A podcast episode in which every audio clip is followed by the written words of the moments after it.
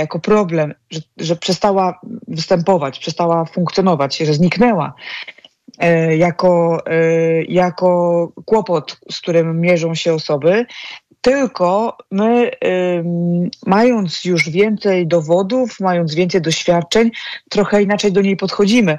W sensie e, gdzieś na, na, na, na poziomie pewnego konsensusu E, ustalono, że nie powinniśmy do, do awersji seksualnej podchodzić jako do specyficznej jednostki diagnostycznej, ale jest to raczej połączenie różnych jednostek, które mogą dawać określony objaw kliniczny, określony problem kliniczny.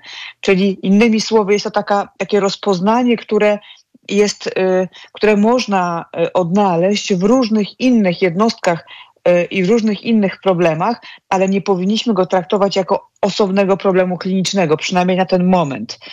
Nie, wiem, na ile to jest e, tak jednoznaczne. Generalnie chodzi o to, że, że nie powinniśmy skupiać się na awersji seksualnej jako na osobnym problemie, ale szukając problemu, e, powodu, przyczyny dla tego problemu, powinniśmy przyjrzeć się, czy nie, nie jest to skutek, a nie E, przyczyna sama w sobie, czy problem sam w sobie.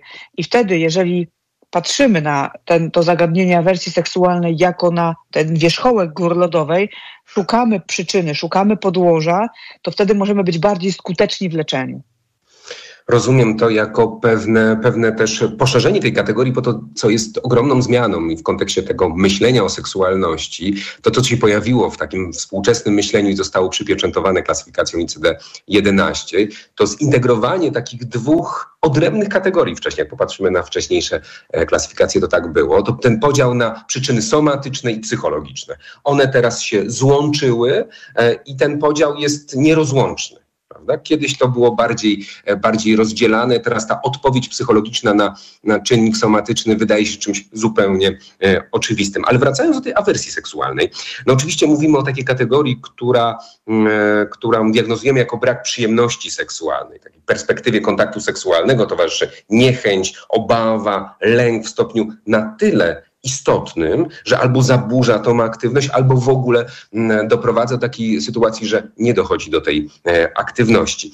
I moim zdaniem to, co ty mówisz, ja też tak z punktu widzenia swojego psychoterapeutycznego, e, intuicyjnego, było dla mnie oczywiste od zawsze, że to jest pewien konglomerat różnych czynników, a ta fobia seksualna, e, czy fobia specyficzna, bo to, bo to, bo to właśnie ta kategoria teraz, gdzieś wokół, wokół tej kategorii diagnozuje się awersję seksualną, jest czymś, czymś o wiele bardziej złożonym i moim zdaniem o wiele bardziej odpowiadającym na, e, na, na właśnie na te rzeczywiste przeżycia pacjentów. Nie wiem, jakie ty masz e, doświadczenia e, z gabinetu. Tak, tak, pierwszą rzeczą, którą chciałabym jakoś jeszcze ze swojej strony dodać, to ja bym powiedziała nawet mocniej a propos tego, co to jest, znaczy nie, ja, po prostu y, opisuje się tutaj taki, taką bardzo silną, negatywną reakcję, jeżeli chodzi o awersję seksualną. Czyli tutaj, tutaj nawet trudno mówić o takim, o takim y, braku satysfakcji czy niechęci, bo to jest często określane wręcz jako wstręt Y, to jest silna reakcja awersyjna, y, taka wobec aktywności seksualnej, gdzie dana osoba no, przeżywa y, potencjalny akt seksualny, czy, czy oglądany akt seksualny, czy wyobrażony akt seksualny jako coś niezwykle zagrażającego i powodującego silną awersyjną reakcję, silną negatywną reakcję organizmu i to na poziomie emocjonalnym, ale często także na poziomie somatycznym, na poziomie cielesnym. Także pojawiają się objawy w ciele, e, takie, które świadczą o tym, jak bardzo zdenerwowani jesteśmy na samą myśl czy na wizję tego, że miałby mieć miejsce e, kontakt seksualny. Także tego typu e, intensywna reakcja ona, e, ona dalej została w społeczeństwie. W sensie dalej są osoby, które tego typu reakcje u siebie obserwują. Y, I to nie jest tak, że przez to, że przestaliśmy wyodrębniać tę jednostkę diagnostyczną, te osoby przestały mieć problem albo ten problem przestał być ważny. Wręcz przeciwnie. Tylko y, wydaje się, że tutaj się zgodzę z Tobą, że my e, e, może, e, że, że być może jest taka hipoteza, bo są też inne, o których pewnie za chwilę powiemy, ale jest taka hipoteza, ja się z nią akurat, do, do niej się akurat przychylam, że rzeczywiście w momencie, kiedy skupiamy się nie na samym problemie, ale poszukujemy przyczyny i to poszukujemy nie tylko na poziomie takiego drążenia w diagnozie, w rozmowie z pacjentem, w, w nazywaniu różnych problemów, w poszukiwaniu tych, tych historii, które mogły doprowadzić do wystąpienia awersji seksualnej, ale też na poziomie takich jednostek diagnostycznych, typu na przykład sprawdzamy, czy pacjent nie ma zaburzeń lękowych. E, to je, wydaje mi się to bardzo rozsądne, ale też e, e, ale co to znaczy? Wiesz co, wytłumacz mi to proszę. To znaczy, że rozumiesz to tak, że generalnie na przykład w obrazie zaburzeń lękowych ten lęk może, tak kolokwialnie powiem, przyczepić się też do seksu? Tak może być. I, I, teraz w zależności od, y, od y, danej osoby y, mhm. te, te, te objawy zaburzeń lękowych mogą dotyczyć różnych obszarów życia.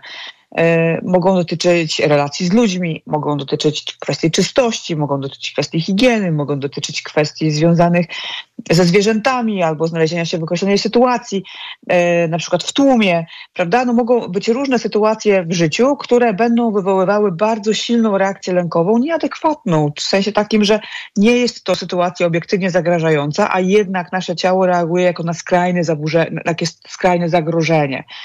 I teraz akt seksualny, konsensualny, czyli za zgodą, taki, gdzie obie strony wyrażają na niego zgodę, sam w sobie nie jest zagrażający. Tak? Natomiast dla osób, które e, właśnie mają tego typu problem, u których wcześniej zdiagnozowalibyśmy awersję seksualną, e, właśnie przeżywają tę sytuację jako skrajnie zagrażającą i jako taką, u, która powoduje, że pojawia się reakcja lękowa naszego organizmu, że stajemy się zdenerwowani, że nam bije szybko serce, że zaczynamy się pocić, że zaczynamy szybko oddychać, że zaczyna się nam kręcić w głowie.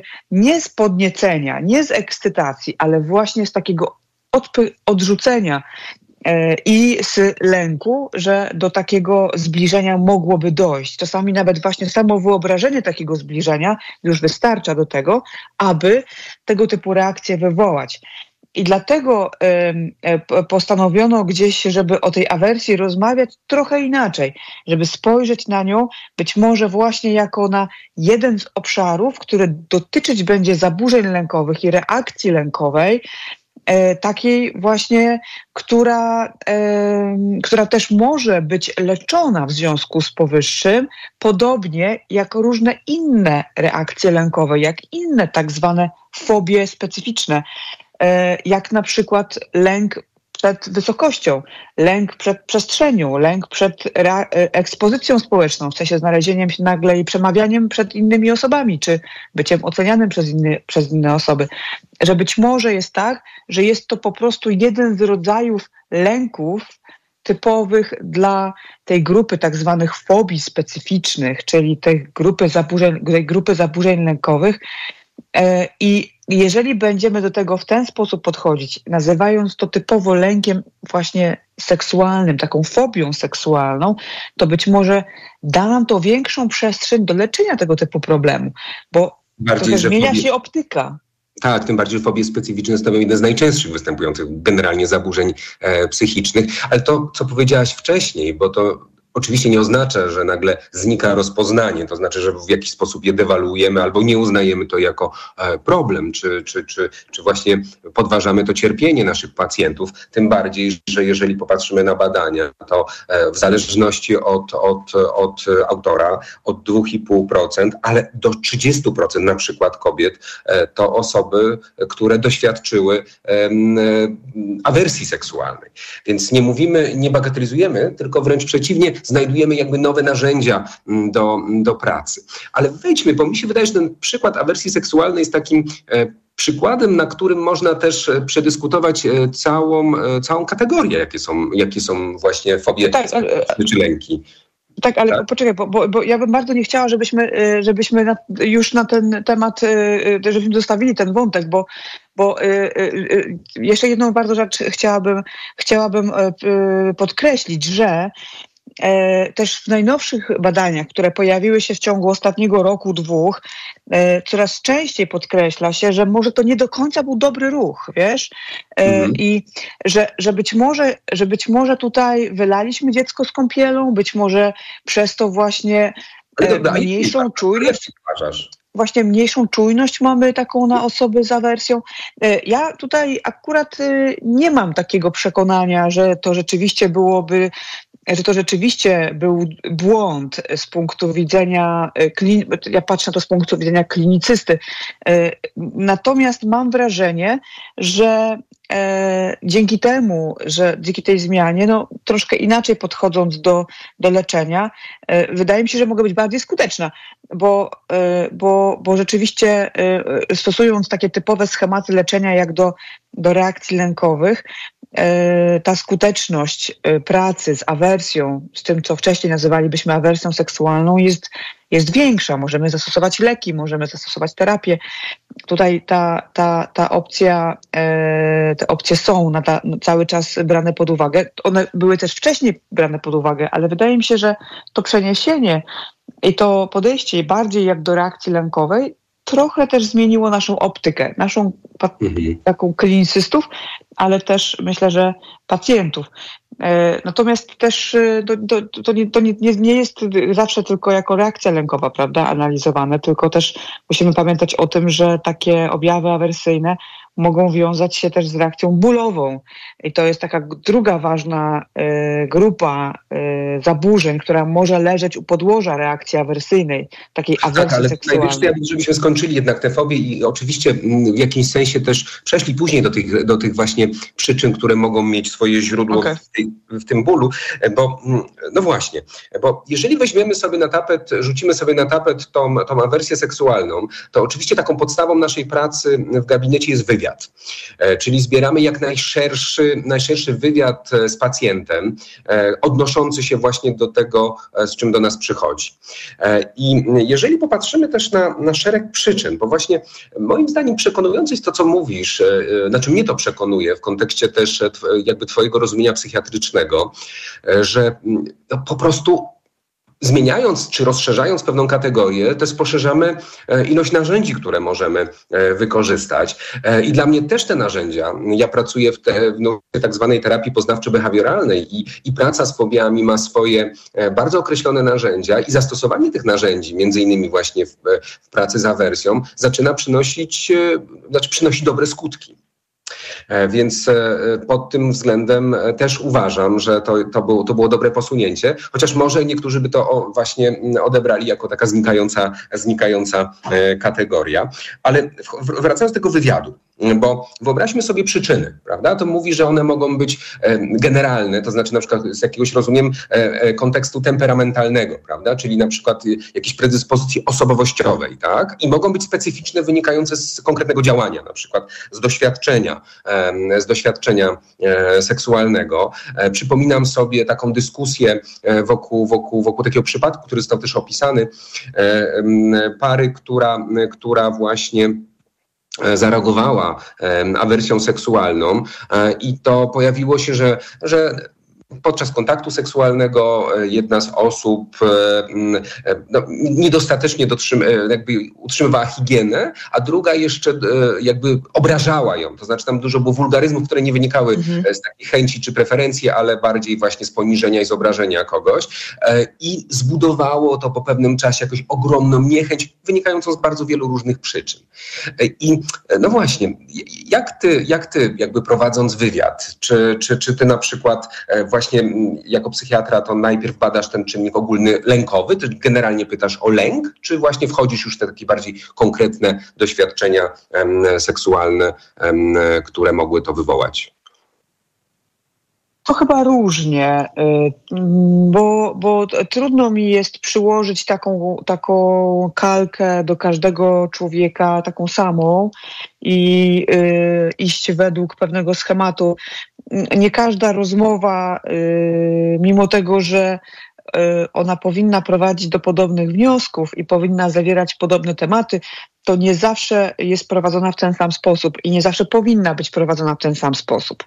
Także myślę, że idąc do psychiatry czy do seksuologa, yy, pewnie ta sama osoba czy, czy, różne osoby z tym samym problemem, idąc do tego samego psychiatry, mogą się spodziewać, że ta rozmowa będzie przebiegała trochę inaczej. W zależności od sytuacji, w zależności od okoliczności, w zależności od poczucia bezpieczeństwa, w zależności od gotowości też do poruszania poszczególnych wątków, bo ja sobie nie wyobrażam takiej sytuacji, że ja na pierwszej wizycie, kiedy człowiek mnie nie zna, przychodzi do mnie po raz pierwszy, od razu wchodzę w takie wątki, które mogą być bardzo poruszające albo bardzo zagrażające. E, a nawet e, e, albo na przykład pacjent może potrzebować na przykład kilku spotkań, żeby poruszyć te najbardziej takie intymne, trudne, często takie doświadczące o, o przeżytych traumach wątki, więc tutaj bardzo różnie, zazwyczaj najpierw zaczynam od ogółu, później w miarę upływu czasu dążę do szczegółów, ale też nie zawsze, to też jest coś, czego się, tego, co z czasem też odkrywam, że, że potrzebuję wiedzieć tyle, ile potrzebuję wiedzieć, że nie zawsze nawet dążenie do tego yy, inaczej, że zadając pytanie podczas wywiadu, ja muszę wiedzieć, po co mi jest ta odpowiedź. Yy, yy, w sensie, że tutaj ta, ten wywiad, prowadzenie wywiadu e, powinno być e, w każdej zresztą, w każdej działce medycyny, ale w psychiatrii, seksuologii szczególnie chyba, powinno być prowadzone z taką dużą świadomością ze strony klinicysty.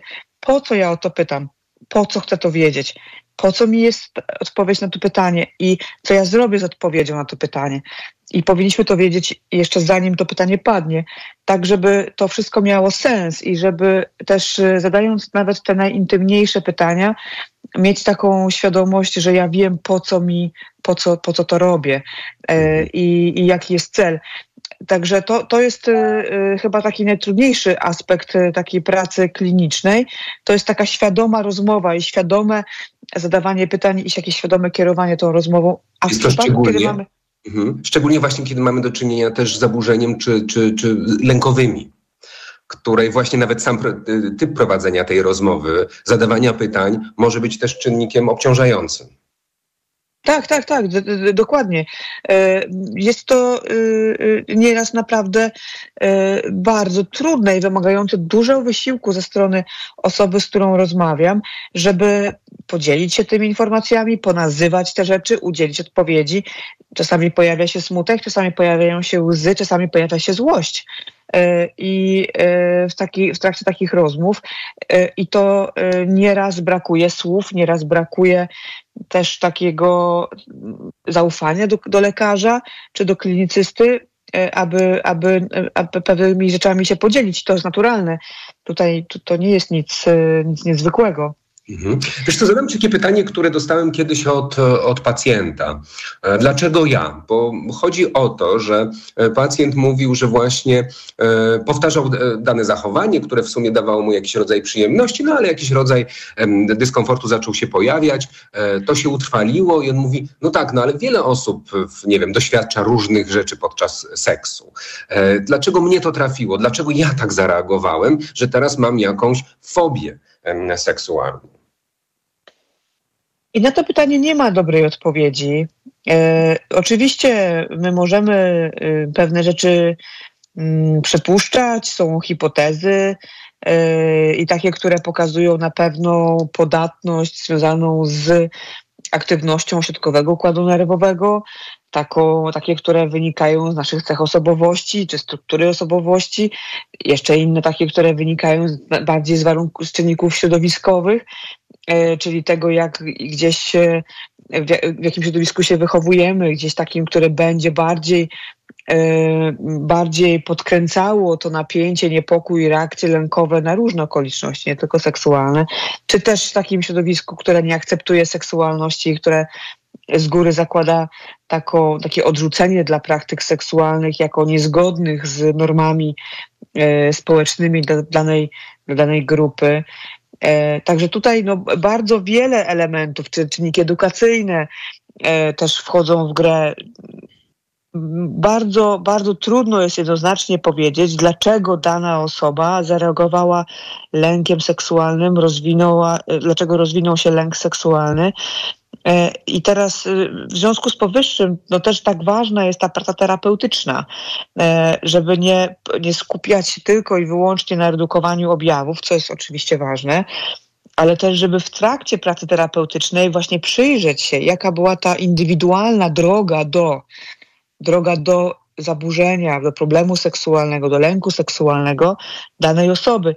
E, I myślę, że tutaj tak naprawdę to, to też od ciebie moglibyśmy się dowiedzieć, jak wygląda taka praca, bo to przecież właśnie ty jako, jako terapeuta, terapeuta poznawczo-behawioralny, często przecież razem z pacjentami tę ścieżkę samoświadomości przechodzisz.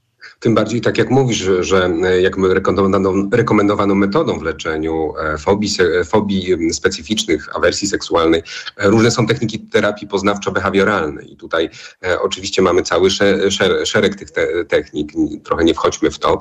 Natomiast e, ja jeszcze trochę wrócę do tego wątku, bo, bo trochę możemy, e, trochę możemy jednak wpłynąć na to, na ileś coś się rozwinie. Tak trochę profilaktycznie tutaj chciałbym podjąć ten wątek. Bo jeżeli przyjrzymy się takim najczęstszym przyczynom pojawienia się różnych fobii e, seksualnych, czy, czy e, właśnie awersji seksualnej, to jak o której dzisiaj głównie rozmawiamy, to na przykład e, jakiś rodzaj przekroczeń i zmuszeń e, jest e, i powtarzany, e, jest, taką, jest takim czynnikiem, który może się rozwinąć w, w właśnie w fobię. I, jak czytam literaturę i też to słyszę, w sumie żyjemy w XXI wieku i ten problem powinien już e, zupełnie e, zniknąć. Na przykład brak higieny. Brak higieny partnera i zadbanie o to, o to żeby, żeby, żeby ta higiena była i też wymóg tej higieny, żeby, żeby po prostu był, prawda? Że ktoś może czuć się skrępowany, żeby zwrócić e, uwagę swojej partnerce, swojemu partnerowi, że na przykład, no nie wiem, jakoś nie czuje się komfortowo z, nie wiem, z brudem, który, który, który, który ta osoba na sobie nosi. E, czy, i, ja myślę sobie, że to jest też taka dyskusja często o, o, o granicach, czy też na przykład zgoda na aktywność seksualną, e, na którą niekoniecznie ma się ochotę, ale czuje się jakąś powinność i powinna, ona powinna zaistnieć. E, to jest forma przemocy, która, która może się zadziać w relacji i ta przemoc może być też opakowana w bardzo przekonujące argumenty, na przykład nie, wszyscy tak robią, albo wszyscy tak powie, przecież to jest dziwne, że ty tego nie robisz. E, I dla mnie często ta opowieść o lęku to jest też opowieść o niezadbaniu o własne granice. Nie wiem, jak ty to, jak ty to widzisz. To zgadzam się absolutnie e, i jest to jeden z potencjalnych takich e, czynników, które mogą prowadzić do do takich objawów awersyjnych, do, do, do takiego silnie negatywnej reakcji na aktywność seksualną czy na wizję aktywności seksualnej. Ale e, tutaj jest taka typowo opisywana ścieżka, mm, w jaki sposób e, może dojść do, do takiej reakcji, czyli że często problem właśnie jest przez nas taki wyjściowy, pierwotny, E, pierwotna przyczyna e, może być zupełnie nie, niewielka, czy albo inaczej, łatwo rozwiązywalna z punktu widzenia medycznego, ale jeżeli to zaniedbamy, to z tego problemu, który pierwotnie był łatwy do rozwiązania z punktu widzenia medycznego e, i dobrze rokujący, możemy dojść do problemu takiego jak awersja seksualna. I teraz jak to się może stać? Bo weźmy na przykład infekcję infekcję mhm. intymną. Przecież nic, nie, nic niezwykłego, prawda? Coś, co jesteśmy w stanie rozwiązać za pomocą y, y, globulek u kobiety, tabletek u mężczyzny. Możemy podawać antybiotyki, możemy, możemy to leczyć, możemy to wyleczyć. Mhm. Czyli, ale jeżeli, I teraz o, o, infekcja seksualna, y, może, infekcja, y, jeżeli chodzi o narządy płciowe, na przykład infekcja pochwy, może y, powodować dyskomfort podczas współżycia.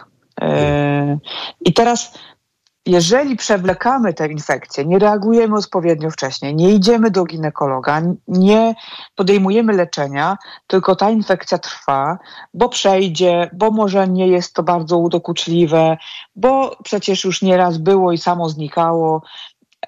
I jeżeli nie podejmujemy działania, to może się okazać, że ta infekcja, okej, okay, w pewnym momencie przejdzie w postać przewlekłą, albo może, może rzeczywiście jakoś organizm sobie sam z nią poradzi, ale może się okazać, że po kilku takich kontaktach seksualnych z doświadczeniem bólu, nasz organizm staje się dużo bardziej uwrażliwiony na kontakt seksualny. W sensie zaczynamy kojarzyć gdzieś w głowie kontakt seksualny z bólem. Ja myślę, że to tak jak mówisz, to jest cała gradacja tego, bo możemy przejść dalej przez czynniki biologiczne. E, miałem grupę pacjentów, którzy bardzo późno zoperowali stulejkę. E, I to też był taki czynnik, który przez długi czas ograniczał im e, czerpanie satysfakcji z seksu. A dalej też to, o czym wspomniałem wcześniej, takie bagatelizowanie dyskomfortu w seksie, że to przejdzie, poboli, przestanie. Czasem się tak dzieje, ale zdarza się, oczywiście mówię tu w perspektywie e, gabinetu, przynajmniej w perspektywie moich pacjentów, że to jakby właśnie wyewoluowało w coś o wiele bardziej złożonego i wiele czynników się na to nałożyło, bo na przykład właśnie za tym szła jakaś rodzaj e, reakcji, reakcji też e, partnera bądź partnerki, który też dodatkowo wzmocnił ten czynnik, więc e, zadbanie o ten rodzaj komfortu i na poziomie somatycznym, jak i psychicznym jest takim, można powiedzieć, warunkiem koniecznym, żeby w dłuższej perspektywie zadbać o zdrowie, zdrowie seksualne. No właśnie i teraz zobaczcie, jeżeli mamy ból. Jeżeli kontakt seksualny zaczyna się kojarzyć nam z bólem, bo powiedziałeś o stulejce, bo infekcja, ale z jakiegokolwiek innego powodu, albo z dyskomfortem, to w pewnym momencie nasz mózg zaczyna kojarzyć aktywność seksualną z czymś zagrażającym. E, jeżeli zaczyna kojarzyć nasz mózg aktywność seksualną jako zdarzenie zagrażające, to my w pewnym momencie zaczynamy reagować na niego, na wizję tego, jak tej aktywności seksualnej, emocjonalnie, z, takich, z tego, takiego negatywnego poziomu emocjonalnego, jako coś niechcianego, jako coś nam narzuconego, coś przykrego. I w pewnym momencie też pojawia się unikanie tej aktywności seksualnej jako taka naturalna ochrona przed tym dyskomfortem. E, może się to przerodzić w formę takiego braku ochoty na seks, e, tego co nazywamy brakiem ochoty na seks, obniżonym libido, e, ale może się prze, prze, również przejść w taką formę awersyjną, takiej niechęci i silnej reakcji odrzucenia właśnie e, jako e, na, na, samą myśl o aktywności seksualnej, czyli z czegoś, co było stosunkowo łatwo rozwiązywalne na początku, po latach, czy po jakimś dłuższym okresie zaniedbania, takiego porzucenia i niezaopiekowania się tym tematem, może się okazać, że pojawi się poważny kłopot, który będzie wpływał na nasze życie seksualne w dłuższej perspektywie czasowej. Jak najbardziej. Ja też zwróciłem uwagę to, co powiedziałeś w kontekście wiedzy, czy może szerzej edukacji seksualnej. E, z reguły brak wiedzy też ma swoje konsekwencje i stąd wielokrotnie w naszych audycjach mówimy o ważnym elemencie, jakim jest edukacja seksualna. Bo wiedza nas właśnie przed takimi zachowaniami trochę też zabezpiecza, bo wiemy, jak zareagować, bo wiemy, że to nie jest naturalne, bo wiemy, że e, możemy z tym zgłosić się do specjalisty. I ta wiedza, no, wiedza zadaje przede wszystkim siłę, ale chciałbym też przy okazji powiedzieć o takich wątkach, których, e, nad którymi ja też pracuję w gabinecie. Często e, przekłada się rygoryzm religijny, czy jakiś rodzaj wychowania też na, na różnego rodzaju e, zachowania w seksie, w tym na zachowania, które byśmy mogli określić mianem fobii. Jakby przypominam sobie też takie rozmowy na przykład wokół, wokół nie wiem, erotofobii, czyli, czyli osoby, które boją się w ogóle rozpoczynać rozmów o seksie, że w ogóle słowo seks jakby już na poziomie jakimś werbalnym rozmowy wywołuje ogromny, e, ogromny niepokój. E, czyli, czyli sam temat już jest takim czynnikiem, który e, podwyższa poziom niepokoju. I to też nam pokazuje, jak wiele różnych czynników składa się na to, na to rozpoznanie, bo to z jednej strony może być wychowanie, z drugiej strony może być brak wiedzy, z trzeciej strony może być rygoryzm religijny, ale też na przykład jakieś doświadczenie seksualne. I ten właśnie konglomerat czynników może wywołać wywołać e, bardzo silną reakcję i taką, która wręcz e, no, powoduje, tak jak powiedzieliśmy na samym początku, zdefiniowaliśmy na samym początku, awersję, e, wstręt, ogromną niechęć do, do zachowania seksualnego. Tak, i, i rzeczywiście tutaj te, te, te, te aspekty wszystkie edukacyjne są niezwykle, niezwykle istotne. Tak jak wspomniałeś też te wątki dotyczące podejścia ogólnie do seksualności też jest to jeden z takich obszarów, które zazwyczaj powinny być zbadane, czy przynajmniej którym powinno się przyjrzeć podczas diagnozy takiej reakcji awersyjnej na, na aktywność seksualną i na wizję aktywności seksualnej. Bo jeżeli my całe życie jesteśmy wychowywani w jakimś podejściu, w jakimś negowaniu aktywności seksualnej i pod, pokazywaniu jej jako czegoś co jest złe, czegoś, co jest y, y, jakoś y, przekraczające normy, jakoś nieakceptowane, czy, czy, czy, czy wręcz, no, użyję tego słowa, grzeszne, no to wtedy trudno jest odnaleźć się w tej radości seksualnej i często nawet jeszcze zanim zaczniemy aktywność seksualną, już się kształtuje w nas taka awersyjna postawa do seksualności do seksu w ogóle, prawda? I, I, zastanówmy się, na ile e, jakby wychowywani też e, jesteśmy w, w, naszej kulturze e, przez pryzmat, e, przez pryzmat na przykład religijny, jako e, do patrzenia na seks jako coś, co jest e, no właśnie grzeszne. Prawda? I to już jest taki element, który bardzo często no, może stanowić już to, to zarzewie e, późniejszych e, problemów. No dobrze, w takim razie jeszcze chciałbym Ciebie zapytać o Twoje doświadczenie e, dotyczące leczenia. Powiedzieliśmy o terapii, o psychoterapii poznawczo-behawioralnej, ale jaką rolę w leczeniu fobii specyficznych, ale też awersji seksualnych czy, czy innych lęków seksualnych pełnią, pełni farmakoterapia? Czy to jest Dużo. tylko? Mhm.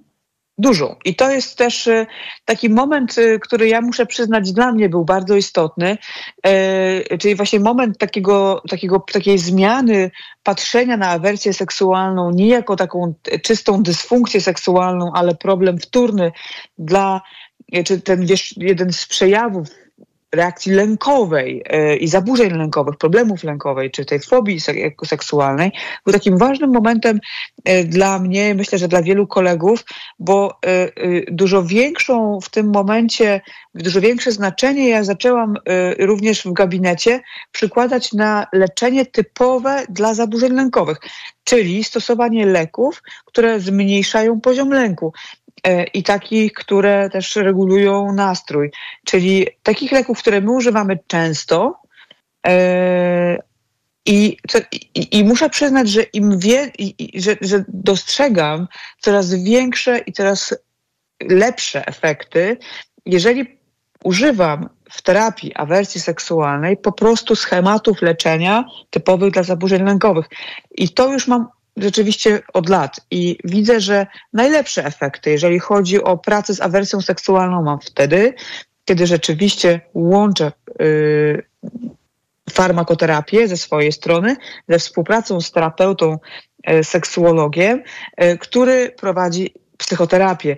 I wtedy y, ci pacjenci, to najczęściej u mnie to są pacjentki, chociaż rzeczywiście w karierze y, z kilkoma pacjentami, mężczyznami też pracowałam, e, to wtedy rzeczywiście te efekty są najlepsze, kiedy łączymy farmakoterapię z psychoterapią. Czyli stosowanie leków z psychoterapią. Mhm. A powiedz mi proszę, jak reagujesz, bo ja często też spotykam się w kontekście dyskusji wokół farmakoterapii, przynajmniej, przynajmniej taką, taką słyszę w gabinecie od e, pacjentów, jak oni to dyskutują, że oni e, początkowo boją się leków e, jako właśnie elementów, oczywiście co robią, otwierają często ulotkę i tam jest cały szereg objawów negatywnych i to im tak podnosi poziom niepokoju, że boją się pójść do psychiatry. Tak, i rzeczywiście potem pojawia się temat y, lęku przed lekami, y, który nieraz przybiera naprawdę ogromną, y, ogromną postać i stanowi wielką siłę, taką, która, która bardzo od, odpycha pacjenta od tego, co mogłoby mu pomóc, bardzo utrudnia wejście w farmakoterapię. Oczywiście to nie jest tak, że tylko stosując leki można zawsze uzyskać efekt. Tak? No, są pacjenci, którzy większy, większą korzyść będą mieli z psychoterapii, ale są takie y, stany i są takie tak, tak bardzo nasilone zaburzenia lękowe, gdzie właściwie bez farmakoterapii, bez stosowania leków może być trudno o przełom również w, w, w, pracy psychoterapeutycznej. To może być dosyć kontrowersyjne i pewnie wśród słuchaczy znajdą się terapeuci, którzy się ze mną nie zgodzą. Też oczywiście jestem otwarta tutaj na dyskusję, ale jednak z mojego doświadczenia wynika, że są czasem takie sytuacje, że po prostu bez leków bardzo trudno jest nawet prowadzić psychoterapię, jeżeli ten lęk jest bardzo duży. E, I w jaki sposób ja sobie z tym radzę? Tutaj przede wszystkim taka cierpliwa rozmowa i też czas jest ważnym elementem, czyli edukacja, rozmawiamy o tym, co się może stać, jakie te leki mają zalety, jakie mają wady, czego można się spodziewać i jak sobie ewentualnie będziemy z tymi, z tymi, z tymi sytuacjami radzić. Innymi słowy, ja staram się ten temat pokazać z każdej strony, pokazać, że jestem gotowa na omówienie go z każdej strony, zarówno zalet, jak i wad, ale y, przede wszystkim, że E, ja generalnie jakoś, e, no, w sensie, że te leki, one dają więcej dobrego niż ryzyko, które wiąże się z potencjalnym ich przyjmowaniem. I to jest taka podstawowa zasada w medycynie, że żeby proponować leczenie, żeby włączać leczenie, musimy stwierdzić, że u pacjenta Y, korzyści będą wyższe niż potencjalne ryzyko. I w przypadku zaburzeń lękowych zazwyczaj właśnie tak jest, że spodziewany efekt i ta ogromna ulga, której pacjent doświadczy, rzeczywiście y, są warte ryzyka pewnych, pewnego dyskomfortu, które może wiązać się z przyjmowaniem leków przeciwlękowych. A jest zazwyczaj, te działania uboczne zazwyczaj są krótkotrwałe, przemijające i Y, no, zazwyczaj takie, z którymi jesteśmy w stanie sobie poradzić, a jeżeli nie, to zmieniamy lek na inny i, i też jesteśmy w stanie z tego, z tego wybrnąć tak, żeby pacjenta dalej leczyć, leczyć skutecznie i bezpiecznie. Tym bardziej, że współcześnie mówi się o pewnym złotym standardzie, czyli połączeniu leczenia farmakologicznego z leczeniem psychoterapeutycznym. Ja wiem, że to jest najbardziej optymalny model, ale to też tak. często jest najdroższy model. E, I, nie, I, niestety nie wszystkie osoby mogą sobie na niego pozwolić i na przykład ta farmakoterapia często jest wybierana jako no po prostu jedyna możliwość. Mhm. E, ale, ale to połączenie tych dwóch czynników ma ogromne, ogromne e, znaczenie. Chciałbym się też zapytać o Twoje doświadczenia dotyczące dotyczące e, skuteczności leczenia, e, bo jeżeli popatrzymy, mamy jedno z najczęstszych, e, najczęstszych rozpoznań, czyli, czyli właśnie fobie specyficzne i skuteczność, skuteczność terapii, właśnie jak ty, to, jak ty to widzisz, bo też ja spotykam się z takim, z takim mm, obawą, no, nomen omen, obawą właśnie pacjentów, którzy mówią, że, że właśnie no jaki sens jest to leczyć, to mi zawsze towarzyszyło i zawsze, i to tak będzie już zawsze. E, I, i, e, i no właśnie, jak ty tu czujesz ten poziom skuteczności leczenia? Jesteśmy w stanie to wyleczyć, a przynajmniej jesteśmy w stanie Co jest dla ciebie ten, zredukować no objawy właśnie. w taki sposób, żeby mhm. one y, nie wpływały w sposób destrukcyjny na nasze funkcjonowanie. I teraz to nie jest, nie zawsze jest tak, że my jesteśmy w stanie wyeliminować objawy lęku czy zaburzeń lękowych do zera, bo są osoby takie, które będą te lęki w większym lub mniejszym stopniu y, miały. Mhm. Ale chodzi o to, żeby zarówno lekami y, doprowadzić do takiego nasilenia y, sposobu funkcjonowania, żeby dało się po prostu żyć i żeby ten lęk nie przejmował nad nami kontroli w codziennych sytuacjach, kiedy, kiedy absolutnie nie jest, nic się nie dzieje zagrażającego, kiedy, kiedy jest bezpiecznie.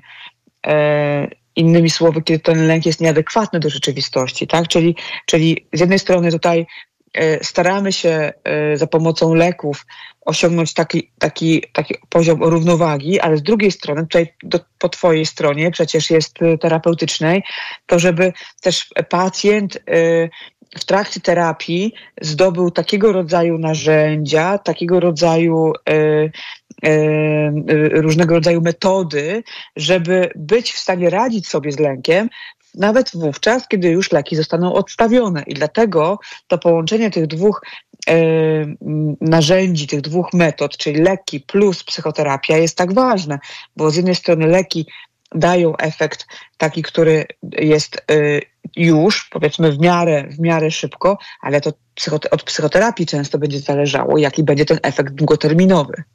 Ja też do tego tak podchodzę, że to nie o to chodzi w, w leczeniu różnych problemów natury emocjonalnej, żeby te emocje wyciąć, prawda, żeby ich w ogóle nie było. Emocje są pewnym wskaźnikiem. Chodzi o to, żeby te emocje nie przejmowały kontroli, nie stały się jakąś przepowiednią. E, I e, jak rozmawiam z pacjentami, to to, że ten lęk będzie, bo lęk jest naturalną reakcją organizmu, tylko nie będzie się on e, jakby rozprzestrzeniał, rozkręcał na tyle, że przerodzi się w coś, co byśmy opisali mianem zaburzenia lękowego. I te sposoby radzenia, te narzędzia, bo też pacjenci mogą się e, obawiać, a to będzie nawrót. Ja już się boję, że co, co się stanie, jak to się pojawi. No właśnie, jeżeli mamy to przepracowane, to będę wyposażony w narzędzia, które pozwolą mi zareagować w sposób adekwatny. A myślenie, że tak jak mówisz, że zupełnie tego lęku nie będzie, e, to, to, to jest myślenie, które no, jest kontr, kontr właśnie intuicyjny, czy, czy właśnie zaprzecza, zaprzecza wiedzy. Chciałbym Cię jeszcze na koniec o jedną rzecz zapytać, bo ja też mam takie doświadczenie w przypadku pacjentów e, z zaburzeniami lękowymi, w tym lękami odnoszącym się do sfery seksualnej, że zaczynają, nazwijmy to, regulować substancjami na własną rękę. No i oczywiście takim koronnym przykładem jest alkohol, e, czyli e, obawiam się, prawda, napiję się, e, no i to jest ten sposób na to, żeby e, no, pójść krok dalej. Mm, to jest też ważny temat, e, który poruszasz, e, bo nawet w aspekcie tego, te, tego konkretnego rodzaju lęku czy reakcji lękowej, o której rozmawiamy, czyli tej fobii seksualnej, kojarzą, kojarzę takie historie, że nawet z, niestety z gabinetów e, specjalistycznych pacjenci potrafią wyjść z taką poradą, że jeżeli się pani denerwuje przed seksem i pojawiają się takie właśnie takie y, symptomy rozwijającej się reakcji awersyjnej, to proszę się napić wina i będzie dobrze. To jest y, błąd, tak? Y, nie to jest karygodne, się... nawet, nawet ja bym nie powiedział, że to jest błąd, prawda? Bo ja bym. Także to, to, jest, to, nie, to jest absolutnie rada, która, która nie tylko nie pomoże, ale też w dłuższej perspektywie może doprowadzić do poważnego problemu. E, alkohol nie służy temu, żeby za pomocą niego radzić sobie z lękiem czy ze smutkiem. Alkohol no, jest dla celów e, rozrywkowo-konsumpcyjnych, a nie po to, żeby za pomocą niego radzić sobie z jakimiś problemami emocjonalnymi. E, to jest bardzo ważny wątek i myślę, że powinniśmy go rozwinąć też w, w, całej audycji. Natomiast chodziło mi też bardziej o to, że każdy z nas znajduje różne sposoby na na radzenie sobie z lękiem e, i też przez analogię do tego alkoholu część pacjentów obawia się, że, mówię to oczywiście w cudzysłowie, uzależnić się od leków. Tylko, że tutaj ta różnica jest taka, że mówimy o pewnej celowanej terapii, e, która ma w bardzo określonym e, czasie e, pomóc, a nie, e, a, nie, a nie czymś, co jest, no właśnie jak w przypadku alkoholu, czy różnych leków stosowanych na, na własną rękę. no właśnie, albo wyjdzie, albo nie wyjdzie. Y, y, I teraz y, oczywiście ten wątek znów dotyczący tego, czy uzależni się od leków, to jest temat, który często ja omawiam z pacjentami w gabinecie. I też dosyć taki wątek, który jest bardzo rozbudowany, więc w trzech krótkich zdaniach.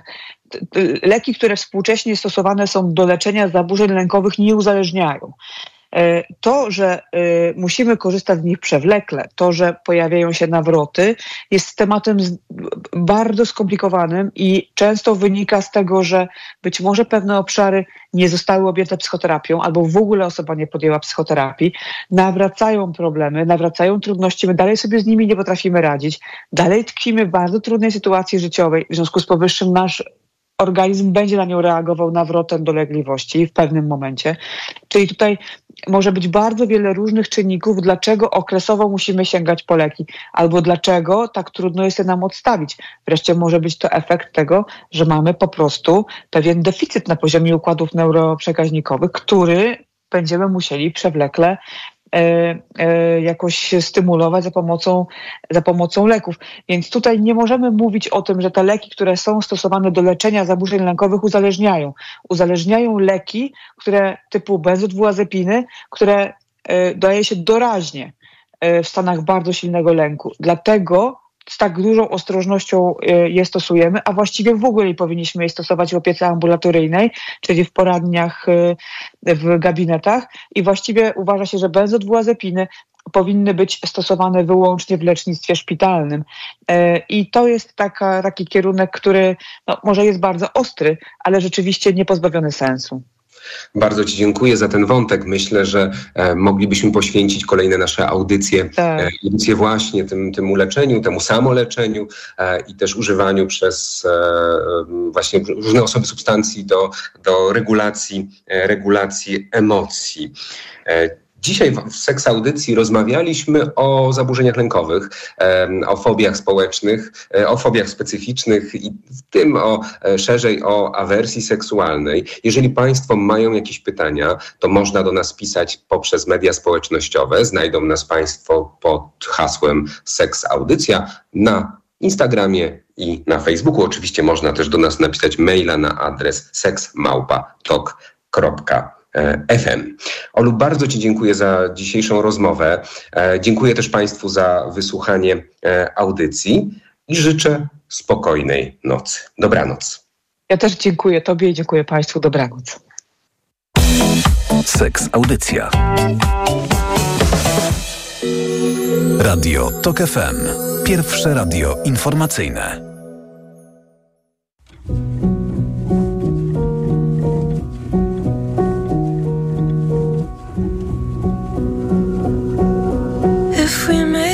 Through December. Everything's gonna be alright, I know. It's the coldest time of winter. And I shiver when I see the falling snow. If we make it through December, got plans to be town come summertime. Maybe even California. If we make it through December, we'll be fine. Got laid off at the factory. And Their timing's not the greatest in the world.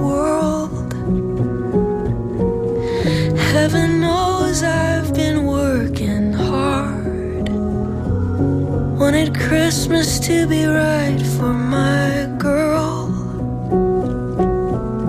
I don't mean to hate December. It's meant to be the happy time of year.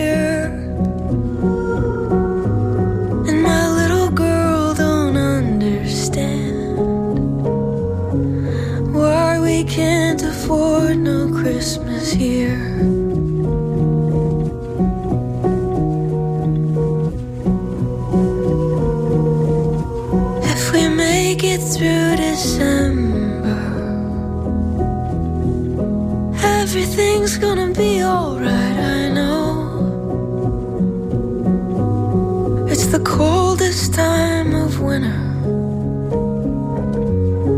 And I shiver when I see the falling snow. If we make it through December, got plans to be in a warmer town come summertime.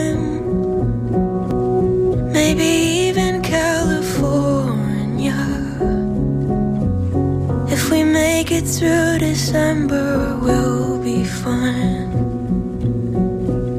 Maybe even California. If we make it through December, we'll be fine.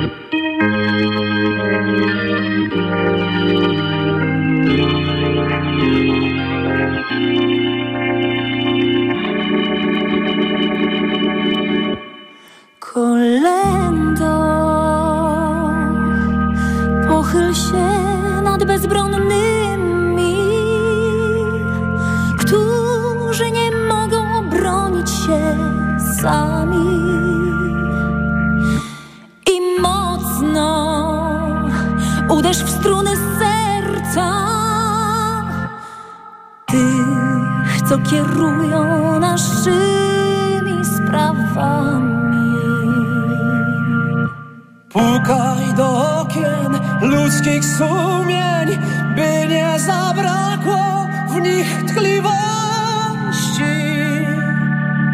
Rozpal na progu ciepły ogień. Dobra nadziei i miłości. I pochyl się nad cierpiącymi, uchyl przed nimi nieba bramę. Aby nadzieją jak bandażem mogli ukoić serca rany.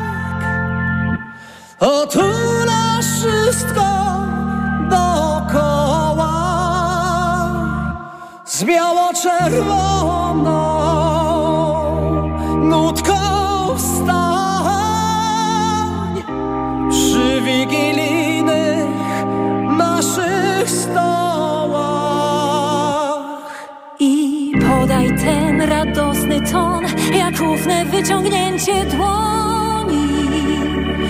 Orzeł podrodza serca gwiazd I ponad światem głośno dzwoni i pochyl się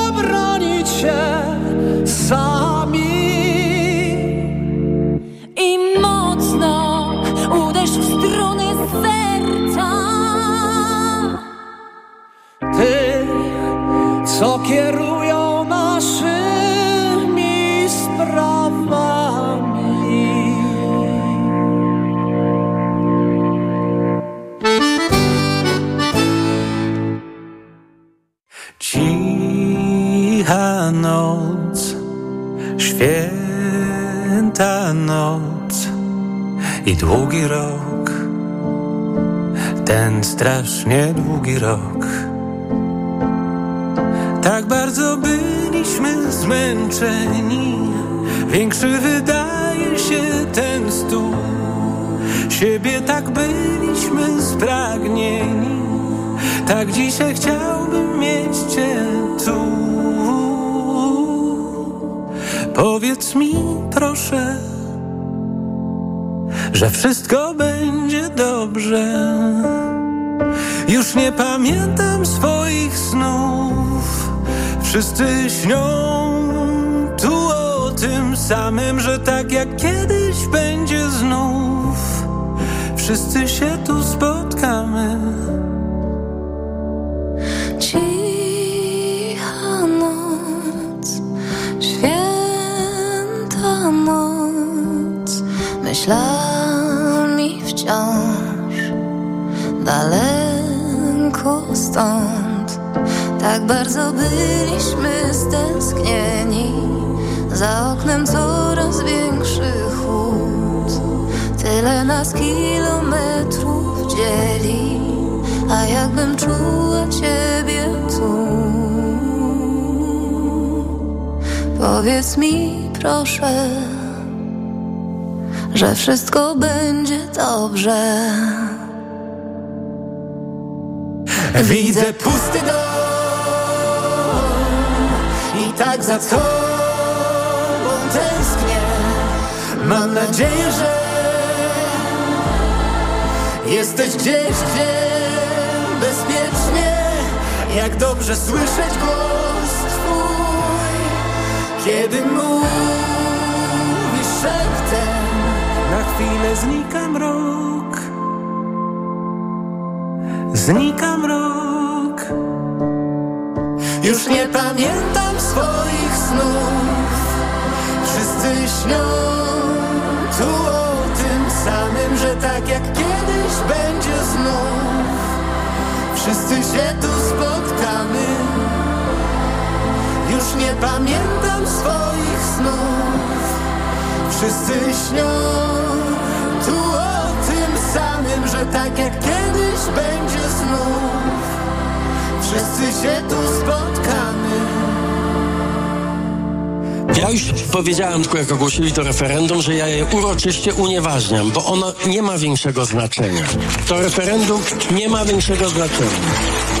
I dlatego też mówię z pełnym przekonaniem i naprawdę głęboko wierzę, że tak jest.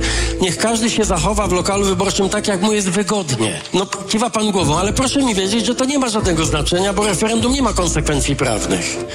I powiem panu szczerze, mnie kompletnie nie interesuje. Po wyborach, jeśli wygramy te wybory i oni stracą władzę, czy oni w referendum mieli 30% czy 50% frekwencji. Kompletnie mnie to nie zajmuje. Radio TOK FM. Pierwsze radio informacyjne. Posłuchaj, aby zrozumieć. Radio